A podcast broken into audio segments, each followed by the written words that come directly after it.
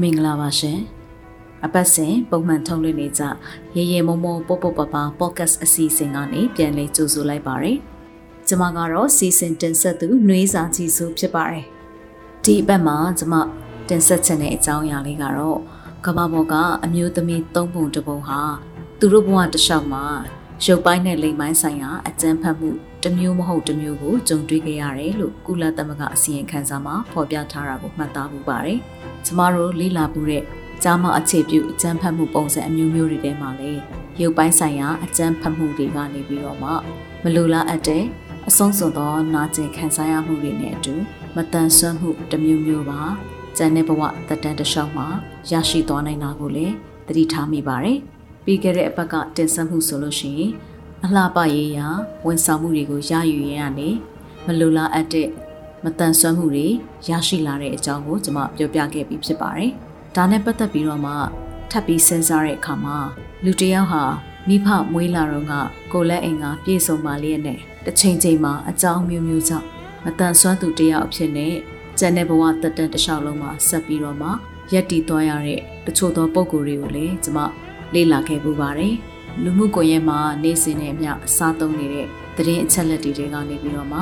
ကျွန်မလေ့လာတွေ့ရှိရတဲ့အကြောင်းအရာဟာဆိုရင်ဒီရုပ်ပိုင်းဆိုင်ရာအကြမ်းဖက်မှုထေခါမှလူတစ်ယောက်ရဲ့ခန္ဓာကိုယ်ကိုရုပ်ပြက်ဆင်ပြက်ဖြစ်စေတဲ့ငရဲမီလို့ခေါ်တဲ့ acid နဲ့ပတ်တာမျိုးတွေကိုမကြာခဏဆိုသလိုပြည်ရင်းပြည်ပသတင်းမီဒီယာတွေမှာတွေ့ရပါတယ်။ကျမတို့အာရှတဝိုက်မှာဆိုရင်တော့ acid နဲ့အပတ်ခံရတာအများဆုံးဖြစ်တဲ့နိုင်ငံကတော့ အိန္ဒိယနိုင်ငံဖြစ်ပါတယ်။အိန္ဒိယနိုင်ငံမှာဆိုရင်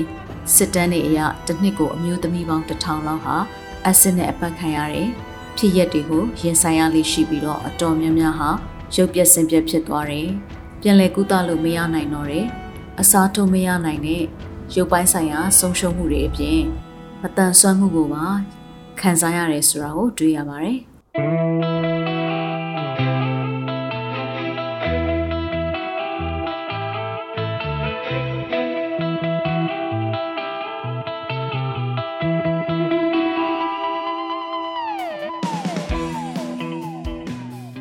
မင်္ဂလာပါခင်ဗျာမင်္ဂလာပါရှင်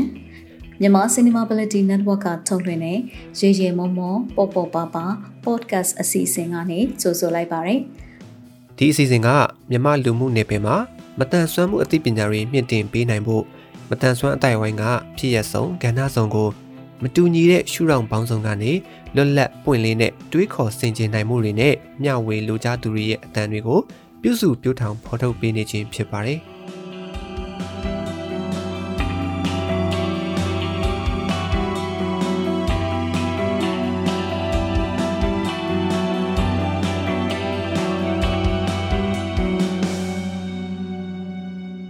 ဒီလိုမျိုး acid နဲ့အပတ်ခံရတဲ့ကိစ္စတွေဟာများသောအားဖြင့်တော့အမျိုးသမီးတွေပိုပြီးတော့ဖြစ်လေရှိပါတယ်။တချို့သောကိစ္စတွေမှာအမျိုးသားတွေလည်းဖြစ်လေရှိပါတယ်။အရွယ်ဆုံးမှာကြုံတွေ့ရတာဖြစ်ပါတယ်။တချို့ဆိုလို့ရှိရင်ရက်သားအရွယ်ကလေးကအက်ဆစ်နဲ့အပတ်ခံရတာရှိသလိုတချို့ဆိုလို့ရှိရင်လက်ထပ်ခံဒီဒါမှမဟုတ်ချစ်သူသမီးစားထားတဲ့အရွယ်လေးမှာအက်ဆစ်နဲ့အပတ်ခံရတာမျိုးတွေရှိပါတယ်။ ကျိုးကတော့လူမှုရေးဆိုင်ရာ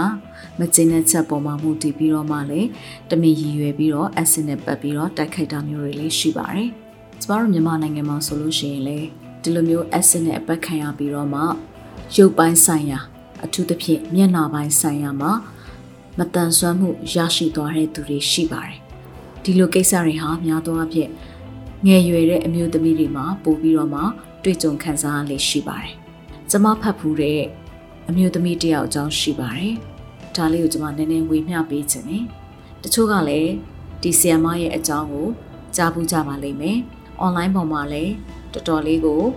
လူသိများတဲ့ဆီယမတယောက်ဖြစ်ပါတယ်။ချို့ကတော့ဒီဆီယမရဲ့နေရာမှာဝန်ခံစားပြီးတော့မှအာမလို့အာမရဖြစ်တာမျိုးတွေရှိပေမဲ့ဒီဆီယမရဲ့ရင်ဆိုင်မှုကတော့အရန်ကိုတည်ငြိမ်တာကိုတွေ့ရတယ်။ကျမအနေနဲ့ကတော့အမည်မဖော်ပြတော့ပါဘူး။ဒီဆီယမက 1996ခုနှစ်ဝန်းကျင်ပေါ့နော်အဲ့ဒီမှာဆိုလို့ရှိရင်စေးတက္ကသိုလ်တက်နေတဲ့ခလေးထုခုဆရာဝန်ဖြစ်ခံပြီးနှစ်လခန့်အလိုမှာပဲတခြားဆရာဝန်မတယောက်ရဲ့မျက်နှာကိုအက်ဆစ်နဲ့ပတ်တာကိုခံလိုက်ရတယ်အဲ့ဒါကြောင့်မလို့ဆရာမရဲ့အမြင်အာရုံဟာကွယ်ပြောက်ရုံမကဘဲနဲ့နှစ်ဖူးရဲ့အောက်ဖက်မှာရှိတဲ့မျက်နှာတစ်ခုလုံးနဲ့ရင်ညွတ်နေမှာပါအဆစ်စားတဲ့ဒဏ်ရာတွေကိုရရှိခဲ့တာဖြစ်ပါတယ်။ဒါမဲ့လည်းဆီယမဟာ ဒီနေ့ဒီချိန်ထိလည်းဆရာဝန်တယောက်အနေနဲ့ရက်တည်နေတယ်လို့သူကိုယ်တိုင်ကဗုဒ္ဓဘာသာဝင်ဖြစ်တယ်။မိဘတွေရဲ့သဘောဆန္ဒအတိုင်းပဲတစ်ဖက်သားကို ခွင့်လွှတ်ခဲ့ပြီးတော့မှသူမရဲ့တရားမျှတမှုကိုမယူတော့ဘဲနဲ့ဘာသာတရားရဲ့အဆုံးအမတွေရဲ့အောက်မှာသူ့ရဲ့ဘဝကိုအကောင်းဆုံးမြုပ်နှံပြီးတော့မှသက်ရှင်ခဲ့တာကိုတွေ့ရတယ်။ဒီလိုမျိုးအသက်ရှင်ရုံနဲ့မကဘဲနဲ့ခံနိုင်ရရှိရှိနဲ့ဘဝကိုရည်တည်နေတဲ့အချိန်မှာလဲ ပရာဟိတအလုပ်တွေကိုလည်းလုပ်တယ်။ကိုယ်ပိုင်စေကန်းတွေလည်းဖွင့်တယ်။စာပေတွေလည်းရေးသားတယ်။ဒီလောက်ထိကြံ့ကြံ့ခံပြီးတော့မှကိုယ့်ရဲ့ဖြစ်တည်လာမှုကိုအကျိုးရှိအောင်အသုံးချသွားတဲ့ဆီယာမကိုကျမတကယ်ပဲလေးစားမိပါတယ်။ဘာရန်ညို့ရန်စားမှမရှိဘဲနဲ့ရုတ်တရက်ဒီလိုမျိုးအက်ဆစ်နဲ့အပတ်ခံလိုက်ရချိန်မှာသူ့အနေနဲ့တော့စောက်တရမရဖြစ်ကောင်းဖြစ်ခဲ့ပါလိမ့်မယ်။တကယ်တော့ဒီအဖြစ်အပျက်ကသူ့ရဲ့မျက်နှာကိုပဲဖျက်ဆီးလို့ရရင်ရနိုင်မယ်။ ဘဝတစ်လျှောက်လုံးအတွက်သူ့ရဲ့မျှော်မှန်းချက်တွေရည်ရွယ်ချက်တွေကောင်းမွန်တဲ့ရှင်သန်မှုတွေကိုတော့ဖျက်ဆီးလို့မရဘူးဆိုတာကိုဆီယာမကအကောင်းဆုံးသက်သေပြသွားတယ်လို့ကျွန်မယုံကြည်တယ်။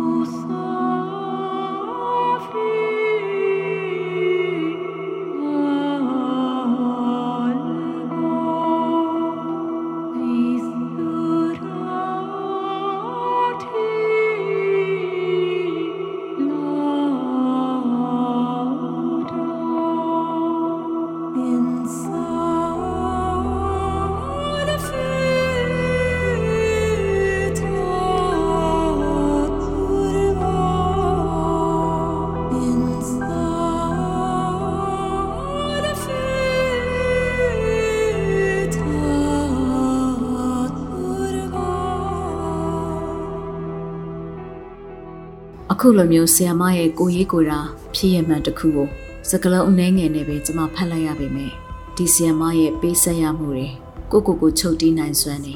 ကိုရဲ့ဘဝကိုပြန်လဲတဲ့မှတ်နိုင်စွမ်းနေအဲဒီကနေမှကိုတယောက်တည်းအတွက်ပဲမကဘဲနဲ့အများအတွက်ဘလောက်တိုင်းတာထိအကျိုးပြုတဲ့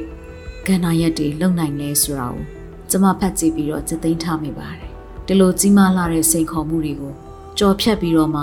အသက်ရှင်ကြံရစ်ဖို့အတွက်ဆိုရင် ထူးသဖြင့်အိမ်မက်တွေတပွေးတစ်ပိုင်းနဲ့အမျိုးသမီးတယောက်အတွက်အမတန်ကိုစိတ်တန်ရာတွေခံစားရမယ်လို့ကျွန်မစာနာမိပါတယ်ဒီလိုစိတ်ခံစားမှုတွေကိုတရားသဘောနဲ့အနိုင်ယူပြီးတော့မှကိုယ့်ကိုယ်ကိုလက်ခံနိုင်မှုနဲ့ခံနိုင်ရရှိတဲ့လမ်းကြောင်းတစ်ခုကိုဖောက်ထွက်ပြနိုင်တာဟာ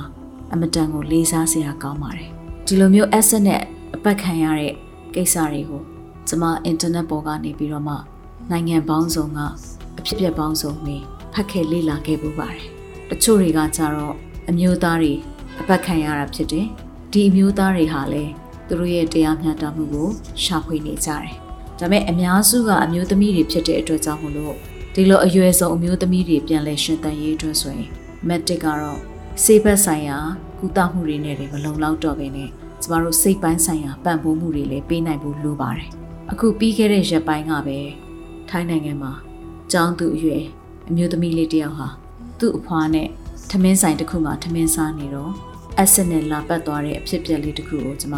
သတင်းနားထောင်လိုက်ရတယ်။အဲ့တော့များသောအားဖြင့်လူငယ်အရွယ်မှာဆိုလို့ရှိရင်တော့ချစ်ရေးချစ်ရနဲ့ပတ်သက်တဲ့ကိစ္စတွေဒါမှမဟုတ်အလှအပကိုမနာလိုတဲ့သူတွေစသဖြင့်ဒီလိုသူတွေရဲ့ရည်ရွယ်ချက်ရှိရှိတိုက်ခိုက်ခြင်းကိုခံရတာဖြစ်တယ်။နောက်လူလက်ပိုင်းအမျိုးသမီးတွေကြတော့လုပ်ငန်းခွင်ပိုင်းဆိုင်ရာအားပြိုင်မှုတွေ ဒါမှမဟုတ်စီးပွားရေးနဲ့ပတ်သက်ပြီးတော့မှ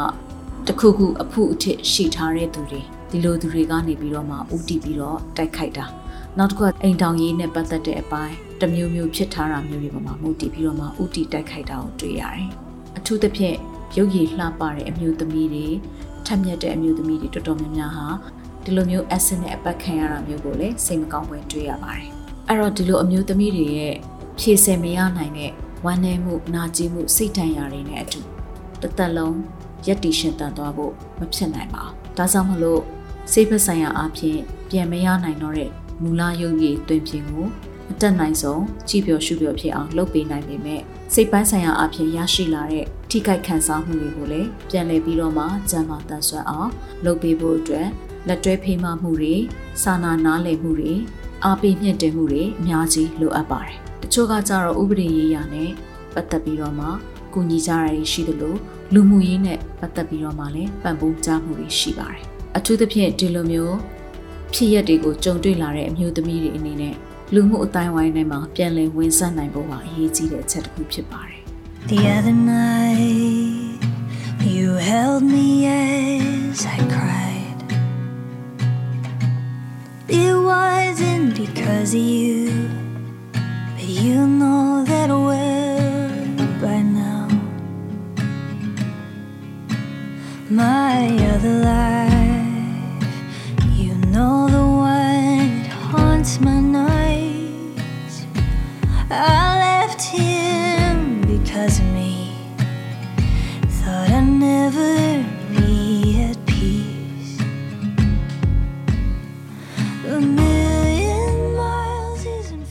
နောက်ပြီးတော့သူတို့ရရှိခံစားခဲ့ရတဲ့ရုပ်ပိုင်းဆိုင်ရာမတန်ဆွမ်းမှုတွေပေါ့နော်တချို့ဆိုလို့ရှိရင်မျက်လုံးတွေထိခိုက်ပျက်စီးတာဖြစ်တဲ့အတွက်အမြင်အာရုံတွေဆုံးရှုံးသွားတယ်တချို့ကကြတော့ဒီနှာခေါင်းပေါက်တို့ဘာလို့ထိခိုက်ပျက်စီးတာဖြစ်တဲ့အတွက်အသက်ရှူဖို့တော့မှခက်ခဲတဲ့ပုံပန်းသွင်ပြင်တွေဖြစ်သွားတာမျိုးထိရှိတတ်တယ်တချို့ကကြတော့နားအကြအာရုံပေါ့နော်အထူးသဖြင့်နားပိုင်းကိုသွားပြီးတော့မှ ထိခိုက်တဲ့အတွက်ကြောင့်မလို့အကြအာရုံချိုးယွင်းသွားတာရှိနိုင်တယ်ကဲလို့ဒီဖြစ်ရဲ့ကြောင့်စကားပြောအင်္ဂါတွေထိခိုက်သွားမယ်ဆိုရင်လေကျမတို့မှာစကားပြောနိုင်တဲ့လက်တွေရှိပါသေးတယ်ဒီလက်ချောင်းလေးတွေကိုအသုံးပြုပြီးတော့မှ sign language လို့ခေါ်တယ်လက်သင်္ကေတပြဘာသာစကားနဲ့ပြောဆိုဆက်သွယ်နိုင်တာဖြစ်ပါတယ်နောက်ကိုယ်ခန္ဓာပိုင်းဆိုင်ရာမှာဆိုရင်လေလက်တို့ရှင်ဘတ်တို့လေပင်တို့ပေါ့နော် များသောအားဖြင့်ခန္ဓာကိုယ်အပေါ်ပိုင်းကိုပဲ acid နဲ့ပတ်ကြတာများတဲ့အတွက်ကြောင့်မလို့ဒီလိုမျိုးခန္ဓာကိုယ်အပေါ်ပိုင်းမှာရှိတဲ့ကိုယ်လက်အင်္ဂါတွေရဲ့ပုံမှန်လှုပ်ဆောင်နိုင်စွမ်းတွေကိုအားနည်းသွားစေတဲ့မတန်ဆွမ်းမှုတွေလည်းရရှိသွားနိုင်တာမျိုးရှိပါတယ်ဒီတော့တစ်ဖက်တစ်လမ်းကဥပဒေရေးရာနဲ့တရားမျှတမှုကိုရှာပြီးတယ်လို့ပဲတစ်ဖက်တစ်လမ်းကလည်းလူမှုရေးဆိုင်ရာပံ့ပိုးကူညီမှုတွေလှုပ်ဆောင်ပေးနိုင်ဖို့အတွက်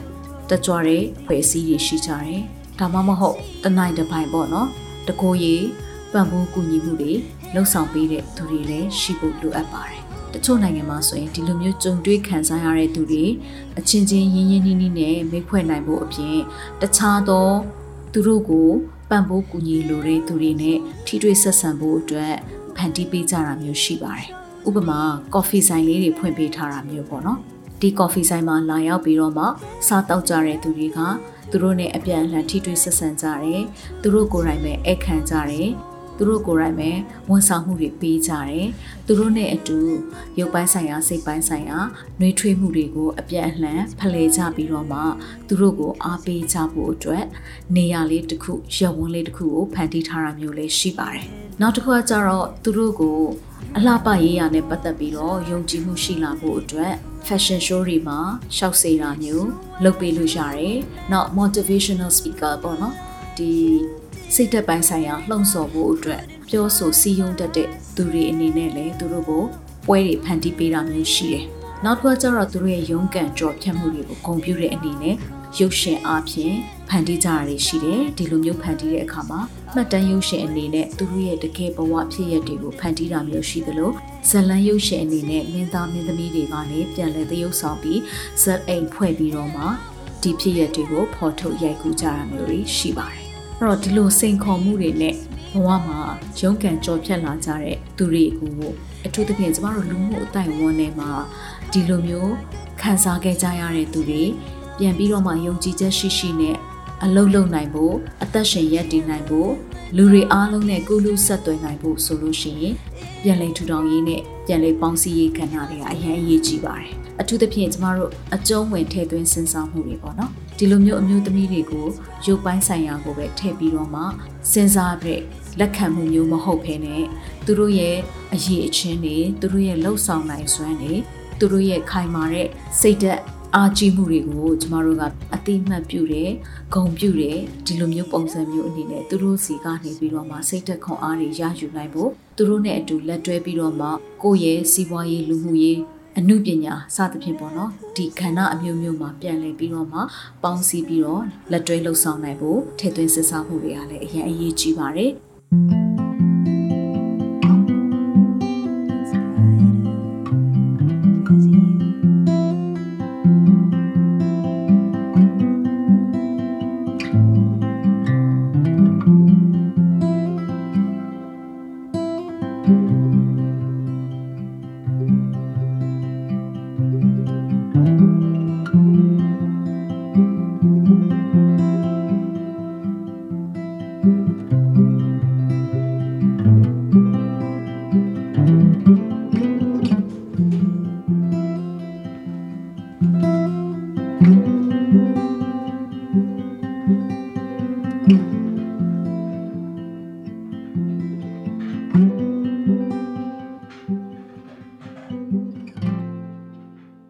နောက်တစ်ခုကကြတော့မိသားစုဝင်တွေပေါ့နော်ဒီလိုမျိုးမိသားစုဝင်တွေရဲ့အဲဖေးမမှုနှွေးထွေးမှုသူတို့အတွက်ထည့်သွင်းစဉ်းစားမှုတွေဟာလည်းအရင်အရေးကြီးပါတယ်။ဘာလို့လဲဆိုတော့အရင်ဆုံးဒီအဖြစ်အပျက်ကိုလက်ခံပြီးတော့မှပြန်လေတက်မဲ့ပေးနိုင်တဲ့သူတို့ရဲ့ဘဝကိုရှေ့ဆက်နိုင်အောင်ခွန်အားတွေပေးနိုင်တာဟာမိသားစုဝင်တွေဖြစ်ပါတယ်။အဲ့တော့မိသားစုဝင်တွေရဲ့အကာအကွယ်ပေးမှုမိသားစုဝင်တွေရဲ့ဥဆောင်လမ်းပြမှု မိသားစုဝင်တွေရဲ့နှွေးထွေးတဲ့ထိတွေ့ဆက်ဆံမှုတွေဟာအရန်အရေးကြီးပါတယ်။အဲ့တော့ဒီလိုမိသားစုဝင်ကောင်းတွေနဲ့ရှိထားပြီဆိုလို့ရှိရင်ဒီမိသားစုဝင်တွေရဲ့ထိတွေ့ဆက်ဆံတဲ့အပေါ်မှာမူတည်ပြီးတော့မှပတ်ဝန်းကျင်ကနေသူတို့ကိုထပ်ပြီးတော့မှအလေးပေးပြီးတော့ထည့်သွင်းစဉ်းစားတာလက်ခံပြီးတော့မှပူးပေါင်းဆောင်ရွက်တာလက်တွဲပြီးတော့မှအားပေးမြင့်တင်တာမျိုးတွေကိုလုပ်လာကြမှာဖြစ်ပါတယ်။ဒါမှသာလျှင်ဒီအမျိုးသမီးတွေဒါမှမဟုတ်အခုလိုမျိုး ထိခိုက်ခံစားရတဲ့ပုံကိုအသီးသီးရဲ့ကြံတဲ့ဘဝတက်တန်းကိုလူသားပိသားစွာနဲ့အသက်ရှင်ရည်တည်နိုင်မှာဖြစ်ပါတယ်ဒီမှာလည်းအရွယ်မတိုင်သေးတဲ့သူတွေဆိုလို့ရှိရင်သူတို့ရဲ့ပညာရည်ဆက်လက်ပြီးတော့မှဆုံးခန်းတိုင်အောင်သင်ယူနိုင်ဖို့သူတို့ရဲ့အသက်မွေးဝမ်းကြောင်းလေ့ကျင့်ရေးအစီအစဉ်တွေဟာသူတို့နဲ့လိုက်ဖက်သင်လျော်တဲ့အစီအစဉ်တွေကိုလည်းထည့်သွင်းစဉ်းစားပေးဖို့လိုအပ်တယ်လို့သူတို့ရဲ့အစာပြုခြင်းတဲ့အခန်းကဏ္ဍတွေပေါ့နော်ဥပမာသူတို့ဝါသနာပါတဲ့အခန်းကဏ္ဍတွေ သူတို့အသက်ရှင်ရပ်တည်ဖို့အတွက်အသက်မွေးဝမ်းကြောင်းပညာတွေကိုရွေးချယ်တဲ့အခန်းကဏ္ဍတွေမှာလည်းသူတို့ရဲ့ရုပ်ပိုင်းဆိုင်ရာကိုထည့်သွင်းမစင်စားပဲသူတို့ရဲ့ဖြစ်တည်သွားတဲ့မတန်ဆွမ်းမှုကိုထည့်သွင်းမစင်စားပဲနဲ့အကောင်းဆုံးသူတို့လှုပ်ချင်တဲ့ခန္ဓာတွေကိုလုံနိုင်တဲ့အခွင့်အရေးပေးဖို့လိုအပ်ပါတယ်။ဥပမာဆိုပါစို့ဆောစောတော့ကဆီယာမကြီးဆိုလို့ရှိရင်အမြင့်အာရုံဆုံးရှုံးသွားပြီမဲ့သူကလက်ရည်နဲ့ရေးပြီးတော့မှစာအုပ်တွေထုတ်နိုင်ခဲ့တာကိုတွေ့ရတယ်ပေါ့နော်။အဲ့တော့ အမြင့်အာရုံဆုံးရှုံးသွားပြီမဲ့လေလက်ရည်နဲ့ရေးတဲ့အခါမှာ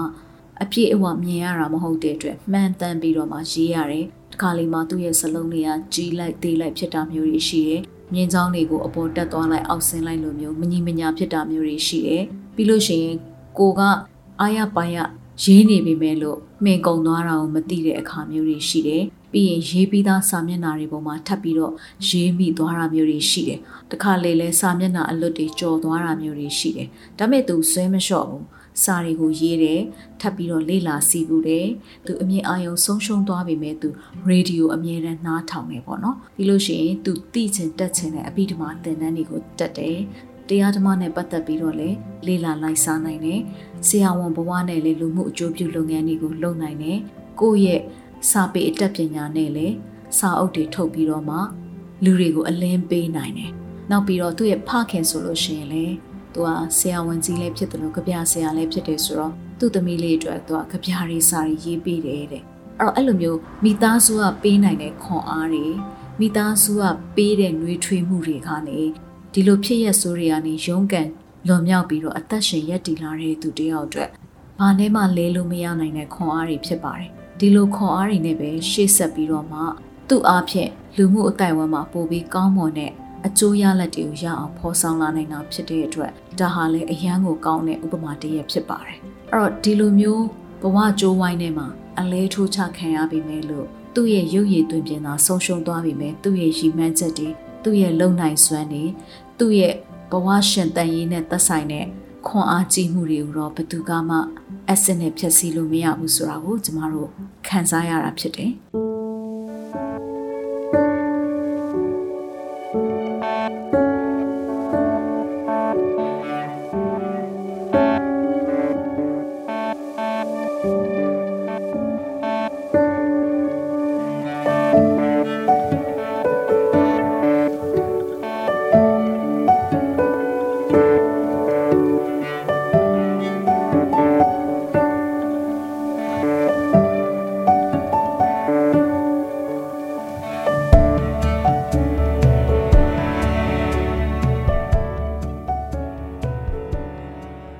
လိုမျိုးထိခိုက်ခံစားခဲ့ရတဲ့သူတွေရဲ့ရုပ်ပိုင်းစိတ်ပိုင်းဆိုင်ရာပြန်လည်ရည်တည်နိုင်ရေးအတွက်တနည်းတစ်ဖုံအားဖြင့်အမှုပညာနဲ့ပဲဖြစ်စေငွေကြေးနဲ့ပဲဖြစ်စေစိတ်သက်ခွန်အားနဲ့ပဲဖြစ်စေကိုထောက်ပံ့နိုင်တဲ့ကိုညီနိုင်တဲ့ခန္ဓာတရရက်ကပြန်လည်ပြီးတော့မှလူမှုအတိုင်းဝိုင်းတွေကိုဝင်ဆန်းလာဖို့အတွက်စိတ်ပိုင်းဆိုင်ရာရုပ်ပိုင်းဆိုင်ရာခွန်အားတွေရရှိလာဖို့အတွက်ယုံကြည်မှုတွေရရှိလာဖို့အတွက်လှုပ်ဆောင်ပေးနိုင်တဲ့ကဏ္ဍရက်တွေလည်းအများကြီးရှိနေပြီဖြစ်ပါတယ်။နောက်ပြီးတော့ကျမတို့ဟာ ဒီအဖြစ်အပျက်တွေကိုနေရာဒေသမရွေးမှာခန်းစားနေရတဲ့ပုံကိုယ်တွေအတွက်လည်းခုလိုမျိုး online တွေကနေပြီးတော့မှအ ਨੇ ဆုံးကိုယ့်ရဲ့အတန်လေးနဲ့ပဲဖြစ်ဖြစ်ပြန်ပြီးတော့မှခွန်အားပေးနိုင်တာဖြစ်တဲ့အတွက်ဒီလိုမျိုးဖြစ်ရဆိုးကြီးတွေကနေရုန်းကန်ကြော်ဖြတ်ပြီးတော့လွန်မြောက်လာကြတဲ့သူတွေကိုမိလျော်မနေဘဲနဲ့အထူးတလဲထည့်သွင်းစဉ်းစားပြီးတော့မှကုညီပေးနိုင်ဖို့အတွက်လည်းလိုအပ်ပါတယ်။တချို့ကကြတော့ဒီလို acid နဲ့ပတ်တယ်ဆိုတာက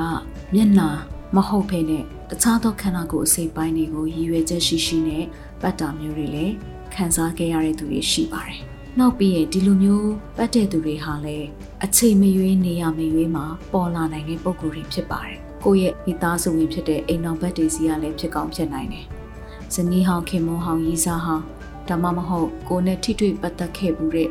လူတစ်ယောက်ယောက်လည်းဖြစ်နိုင်တယ်။ပြီးလို့ရှိရင်အဲ့ဒီလူတွေကကိုယ်တိုင်လောက်တာမျိုးမဟုတ်ဘဲနဲ့တစုံတစ်ယောက်ကိုစေခိုင်းပြီးတော့မှ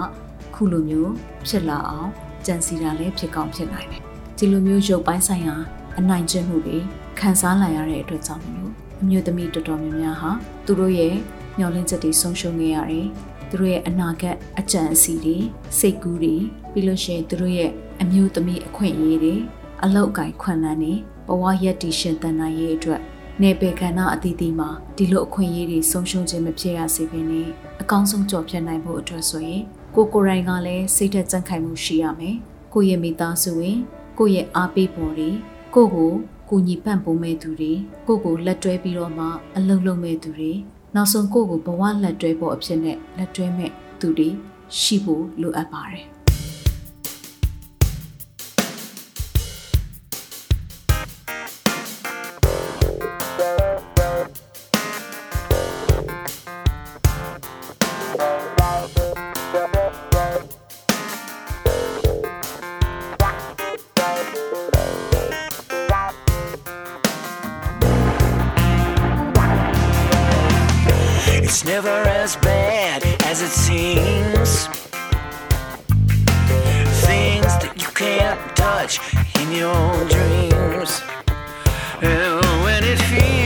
like the bad things are never gonna end, there's nothing left to do but pretend. နောက်ပြီးတော့ဒီလိုမျိုးရုပ်ပိုင်းဆိုင်ရာပျက်စီးသွားပြီမဲ့လေသူတို့ရဲ့မျောလင့်ချက်ပိုင်းဆိုင်ရာဆက်ပြီးတော့မှရှင်သန်နိုင်ဖို့အတွက်ဆိုရင်အစအစအရာရာထည့်သွင်းစဉ်းစားမှုတွေဟာအရင်အရေးကြီးပါတယ်သူတို့ဖြစ်ချင်နေတဲ့အိမ်မက်တွေသူတို့လှုပ်ချင်နေတဲ့ဆန္ဒတွေသူတို့ရက်တည်ချင်တဲ့ပညာရှင်အဖြစ် အနေအထားတရက်နဲ့တကယ်ပဲရက်တည်သွားနိုင်အောင်လုပ်ဖို့ဆိုလို့ရှိရင်အခုလိုမျိုး peer to peer အချင်းချင်းပြန်ပြီးတော့မှအားပေးမှုလိုအပ်တယ်လို့တခြားသောကဏ္ဍရဲ့အသီးသီးကနေပြီးတော့လေသူတို့ကိုမိလျော်မထားဘဲနဲ့ပြန်လည်ဖော်ထုတ်ပေးဖို့သူတို့ရဲ့ခံစားချက်တွေသူတို့ရဲ့ရည်တည်ချက်တွေကိုတိမှတ်ပြုရုံနဲ့မကဘဲနဲ့လေးစားအတူယူပြီးတော့မှဒါတွေကိုကြဲကြဲပြက်ပြက်လူသိလာဖို့အတွက်စိတ်သက်ပိုင်းဆိုင်ရာ စံထားအပ်တဲ့ပုံကိုယ်တွေအနေနဲ့လည်းကျမတို့တွေကဂုံပြုအတိမှတ်ပြုဖို့လိုအပ်ပါတယ်။နောက်တစ်ခုကတော့သူတို့ရရှိလာတဲ့မတန်ဆွမ်းမှုနဲ့အတူသူတို့ရဲ့ကြံတဲ့ဘဝကြီးကိုအဆင်ပြေပြေရပ်တည်သွားနိုင်ဖို့အတွက်ဆိုလို့ရှိရင်ဒီမတန်ဆွမ်းမှုရေးရနဲ့ပတ်သက်တဲ့အခန်းကဏ္ဍတွေမှာသူတို့လိုအပ်နေတဲ့ quality ကိုဖြည့်ဆည်းပေးနိုင်ဖို့လိုပါတယ်။ဥပမာအမြင်အာရုံဆုံးရှုံးသွားသလား။ဒါဆိုလို့ရှိရင်သူတို့ကို အမြင်အာရုံမတန်ဆွမ်းသူတွေဆက်လက်ပြီးတော့မှသတင်းချက်လက်ရရှိဖို့ပညာတွေသင်ယူနိုင်ဖို့လူဒန်းစီရက်တည်နိုင်ဖို့အတွက်ဆိုရင်လိုအပ်တဲ့ braille လို့ခေါ်တဲ့မျက်မမြင်လက်ဆန်းစာပေတွေသင်ယူဖို့လိုအပ်တယ်။မျက်မမြင်လက်ဆန်းစာပေတွေလက်လှမ်းမိအောင်လုပ်ပေးဖို့လိုအပ်တယ်။နောက်ပြီးတော့ white game လို့ခေါ်တဲ့မျက်မမြင်လက်ဆန်းတုပ်ပေါ့နော်။လမ်းလျှောက်တဲ့အခါမှာအထောက်ကူရအောင်တယောက်တည်းရက်တည်သွားလာနိုင်အောင်ဒီလိုမျိုးအထောက်ကူပြုပစ္စည်းတွေကိုအသုံးပြုတတ်ဖို့အတွက် လေ့ကျင့်သင်ကြားပေးဖို့လိုအပ်တယ်။သူတို့ရဲ့အခွင့်အရေးတွေရရှိနိုင်ဖို့အတွက်သူတို့ရဲ့ဘဝတစ်စစ်ချိုးပြောင်းလဲနိုင်ဖို့အတွက်ပြည်တွင်းနဲ့နိုင်ငံတကာမှာရှိတဲ့သင်တန်းတွေပညာသင်စုတွေနိုင်ငံတကာမှာရှိတဲ့ရက်တီရှင်သန်မှုမတူကြတဲ့မတန်ဆွမ်းသူတွေနဲ့ထိတွေ့ဆက်ဆံခွင့်နဲ့ဒါမျိုးတွေရရှိဖို့အတွက်လည်းအားပေးလှုံ့ဆော်ကူညီပေးဖို့လိုအပ်ပါတယ်။နောက်ပြီးလို့ရှိရင်တကယ်လို့အကြအယုံဆုံးရှုံးသွားတယ်ဆိုလို့ရှိရင်လည်း တခြားသူတွေနဲ့ထိတွေ့ဆက်ဆံနိုင်ဖို့အတွက် sign language လို့ခေါ်တဲ့လက်သင်္ကေတပြဘာသာစကားတွေသင်ယူဖို့လိုအပ်တယ်လို့နိုင်ငံတကာမှာရှိတဲ့အခွင့်အလမ်းတွေကိုလည်းရရှိနိုင်ဖို့ဆက်ပြီးတော့မှကိုလေ့လာခြင်းတဲ့ဘာသာရပ်တွေကိုကိုလုတ်ကင်ခြင်းနဲ့အလုတ်ကင်ခွင့်လန်းတွေကိုလက်လှမ်းမိရရှိနိုင်ဖို့အတွက်မတန်ဆွမ်းလူမှုအတိုင်းအဝန်းမှာလည်းထဲထဲဝင်ဝင်ပါဝင်နိုင်ဖို့လိုအပ်ပါတယ်။ နိုင်ငံတကာမှာဆိုလို့ရှိရင်တော့အခုလိုမျိုးအဆစ်နဲ့အပတ်ခံရတဲ့အမျိုးသမီးတွေကိုလည်းသူတို့ရဲ့ရုပ်ပိုင်းဆိုင်ရာချိုးယွင်းမှုတွေအမျိုးမျိုးပေါ်မှာမူတည်ပြီးတော့မှ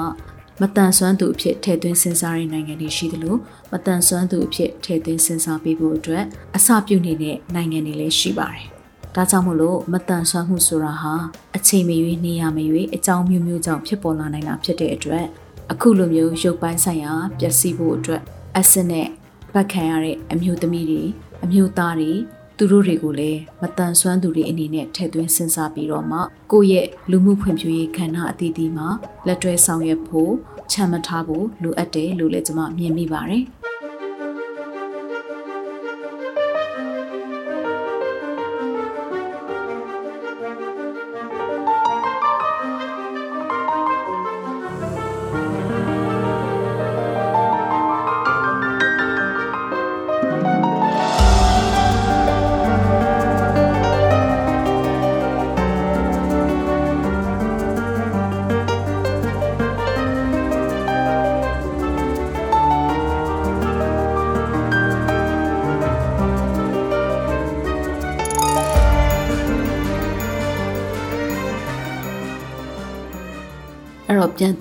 မယ်ဆိုလို့ရှိရင်အထူးသဖြင့်ကျမတို့အမျိုးသမီးတွေမှာအလှပရေးရဝန်ဆောင်မှုတွေကြောင့်လည်းမလူလားအပ်တဲ့မတန်ဆွမ်းမှုတွေရရှိလာနိုင်တယ်။အခုလိုမျိုးရည်ရွယ်ချက်ရှိရှိထိခိုက်နေတာအောင်လုပ်တဲ့အကျိုးဆက်တွေကြောင့်လည်းမတန်ဆွမ်းဖြစ်လာနိုင်တယ်။ဒီလိုမျိုးမတန်ဆွမ်းမှုတွေရရှိလာပြီဆိုလို့ရှိရင်ထမအဦးဆုံးကတော့ကိုယ့်ရဲ့ယူပိုင်းဆိုင်ရာနဲ့အတူ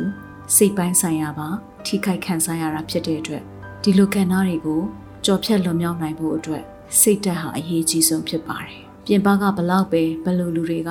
စိတ်ပိုင်းဆိုင်ရာခွန်အားတွေပေးနေပါစေ။ကိုကိုရိုင်းကစိတ်ပိုင်းဆိုင်ရာခွန်အားတွေရုပ်ရော့မသွားဘူးလိုပါတယ်။ဘာကြောင့်လဲ။ကျမတို့တွေဟာအသက်မသေးသေးပဲကြံခဲ့ကြတဲ့သူတွေဖြစ်ပါတယ်။ကျမတို့ဘဝမှာအရေးကြီးဆုံးအသက်ရှိနေသေးလို့ဖြစ်ပါတယ်။ဒီအသက်ရှင်နေတဲ့ကာလမှာရုပ်ပိုင်းဆိုင်ရာဆိုတာဟာအချိန်တန်ရင်လည်းအိုမင်းရင်ရောသွားနိုင်တယ်လို့ယောဂတစ်မျိုးမျိုးကြောင့်လည်းဖောက်ပြန်ပျက်စီးသွားနိုင်ပါတယ်ဒါကြောင့်မလို့အရွယ်မတိုင်ခင် ဖောက်ပြန်ပျက်စီးခြင်းကိုလက်ခံရရှိလိုက်ပြီဆိုရင်လေဒါဟာစိတ်သက်ကြစရာမလိုဘဲနဲ့ဘယ်လိုမျိုးစေပညာအားဖြင့်ဒါကိုပြန်ပြီးတော့မှပြုပြင်ပြောင်းလဲနိုင်မလဲအချိန်မီ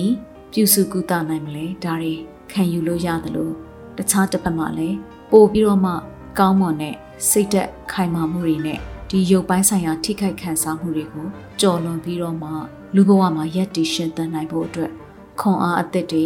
အတွေ့အကြုံအသက်တွေ အလေးအကျင့်အသက်တွေသင်ယူမှုအသက်တွေနဲ့ဆက်သွားနိုင်ဖို့လိုပါတယ်ဒီလိုဆက်သွားတဲ့အခါမှာကိုယ့်ရဲ့အားနည်းချက်တွေကိုယ့်ရဲ့မပြည့်စုံမှုတွေ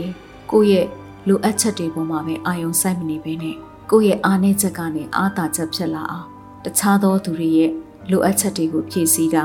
ကိုယ်မှရှိနေတဲ့ကိုယ်စွမ်းညံစွမ်းနဲ့တခြားသောသူတွေရဲ့အကျိုးအတွက်ပြန်ပြီးတော့အသုံးချတာကိုယ့်ရဲ့ဖြစ်တည်လာမှုကိုလက်ခံပြီးတော့မှ တခြားသောသူတွေအတွက်စံနမူနာကောင်းအဖြစ်ရက်တည်ပြတာဒါတွေဟာအရင်အရေးကြီးတဲ့အချက်တွေဖြစ်ပါတယ်ဒီနေ့ဒီချိန်ထိလည်းအဲ့ဒီလိုရဲရင်တဲ့အမျိုးသမီးတွေတယောက်မက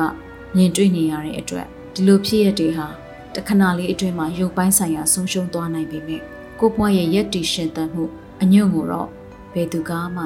အဆင်နဲ့မလောင်းနိုင်ဘူးဆိုတာကိုတသိပြနိုင်ဖို့အတွက်အကောင်းဆုံးရက်တည်ရှင်သန်ပြဖို့လိုအပ်တာဖြစ်ပါတယ်အခုလိုမျိုးရက်တီရှင်တန်ပြနေတဲ့သူတွေကို ကြည့်ပြီးတော့လေအကြောင်းမျိုးမျိုးကြောင့်စိတ်တက်ကြနေကြတဲ့သူတွေတေခြင်းစိတ်ပေါက်နေကြတဲ့သူတွေကိုကိုကိုလောကကြီးမှာအသုံးမဝင်တော့ဘူးလို့ခံစားနေရတဲ့သူတွေကိုလက်ရှိဖြစ်ပျက်နေတဲ့အကြောင်းအရာပေါ်မှာယုံမထွက်နိုင်ပဲနဲ့ဒီအကြောင်းအရာကြောင့်ကိုဘွားကြီးဟာဆွဲချခံရတော့မယ့်အဖြစ်နဲ့ကြုံနေရတဲ့သူတွေဒီသူတွေကိုကျမဒီလိုအဖြစ်ပျက်လေးတွေမှာကြော်ဖြတ်နေတဲ့အမျိုးသမီးတွေနဲ့ခွန်အားပေးချင်တာဖြစ်ပါတယ်လောကကြီးမှာကျမတို့ကကိုဖြစ်ပျက်ကြုံတွေ့နေတဲ့ဟာတွေကအဆိုးဝါးဆုံးလို့ထင်တတ်ကြပါတယ်။ တကယ်တော့အဲ့ဒီအဖြစ်ပျက်တွေထက်ပိုပြီးတော့မှဆိုးဝါးတဲ့အဖြစ်ပျက်တွေပိုပြီးတော့မှနလန်မထူနိုင်တဲ့အနေအထားတွေနဲ့ရုန်းကန်ရှင်သန်နေကြတဲ့သူတွေကိုကြည့်လိုက်မယ်ဆိုရင်ကျမတို့ခံစားနေရတဲ့အဖြစ်ပျက်တွေကျမတို့ကြုံတွေ့နေရတဲ့ပြဿနာတွေဟာထင်သလောက်မကြီးတော့ပါဘူး။ထင်သလောက်လည်းကျမတို့ဘဝကိုမဖြတ်စည်းနိုင်ပါဘူး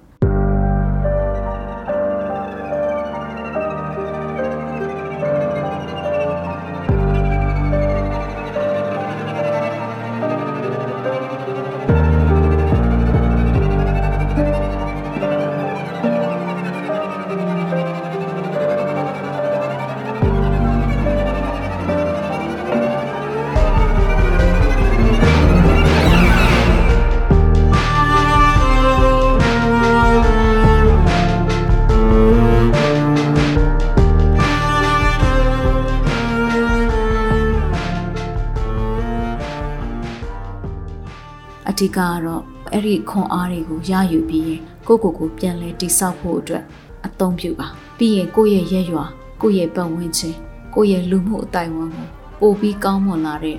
ကဏ္ဍရက်တွေမှာအားဖြစ်ပေးဖို့အတွက်လေ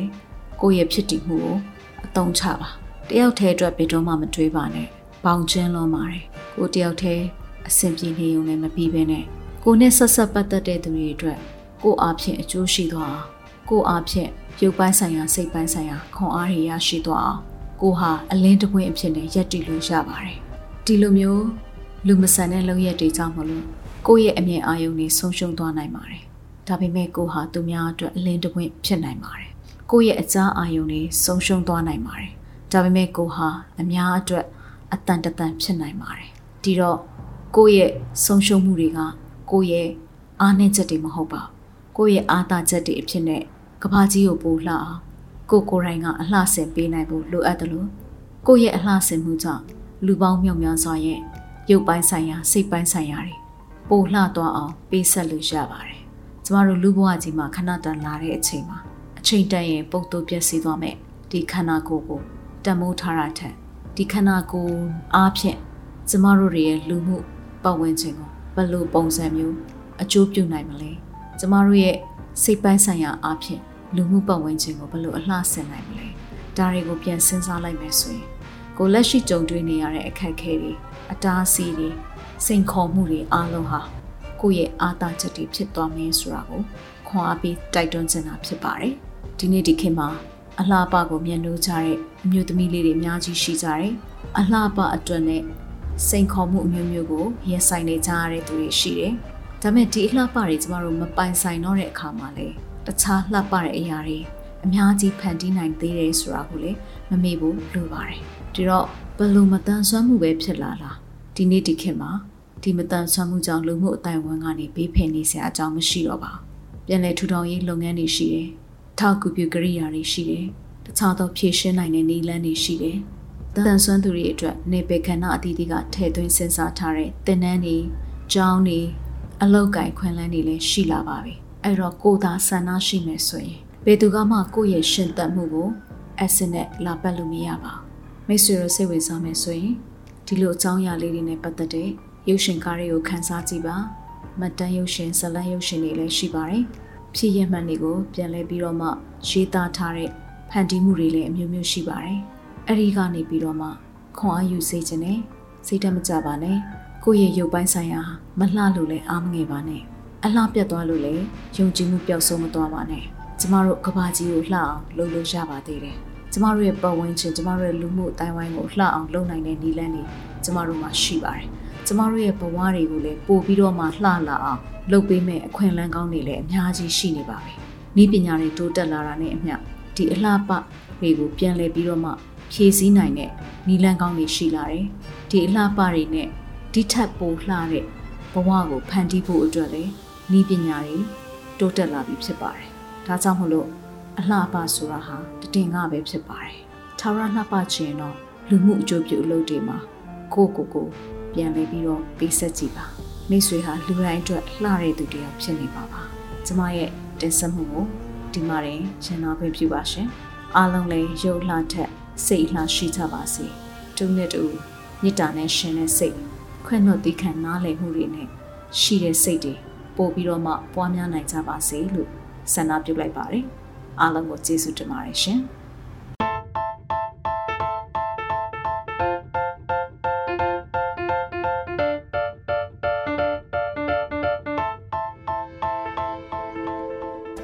ယခုအစီအစဉ်ကိုမိတ်ဆွေတို့အနေနဲ့အစအဆုံးနားထောင်ပြီးပြီဆိုရင်တော့မိမိတို့ရဲ့သဘောထားမှတ်ချက်များကိုပေးနိုင်ပါပြီနော်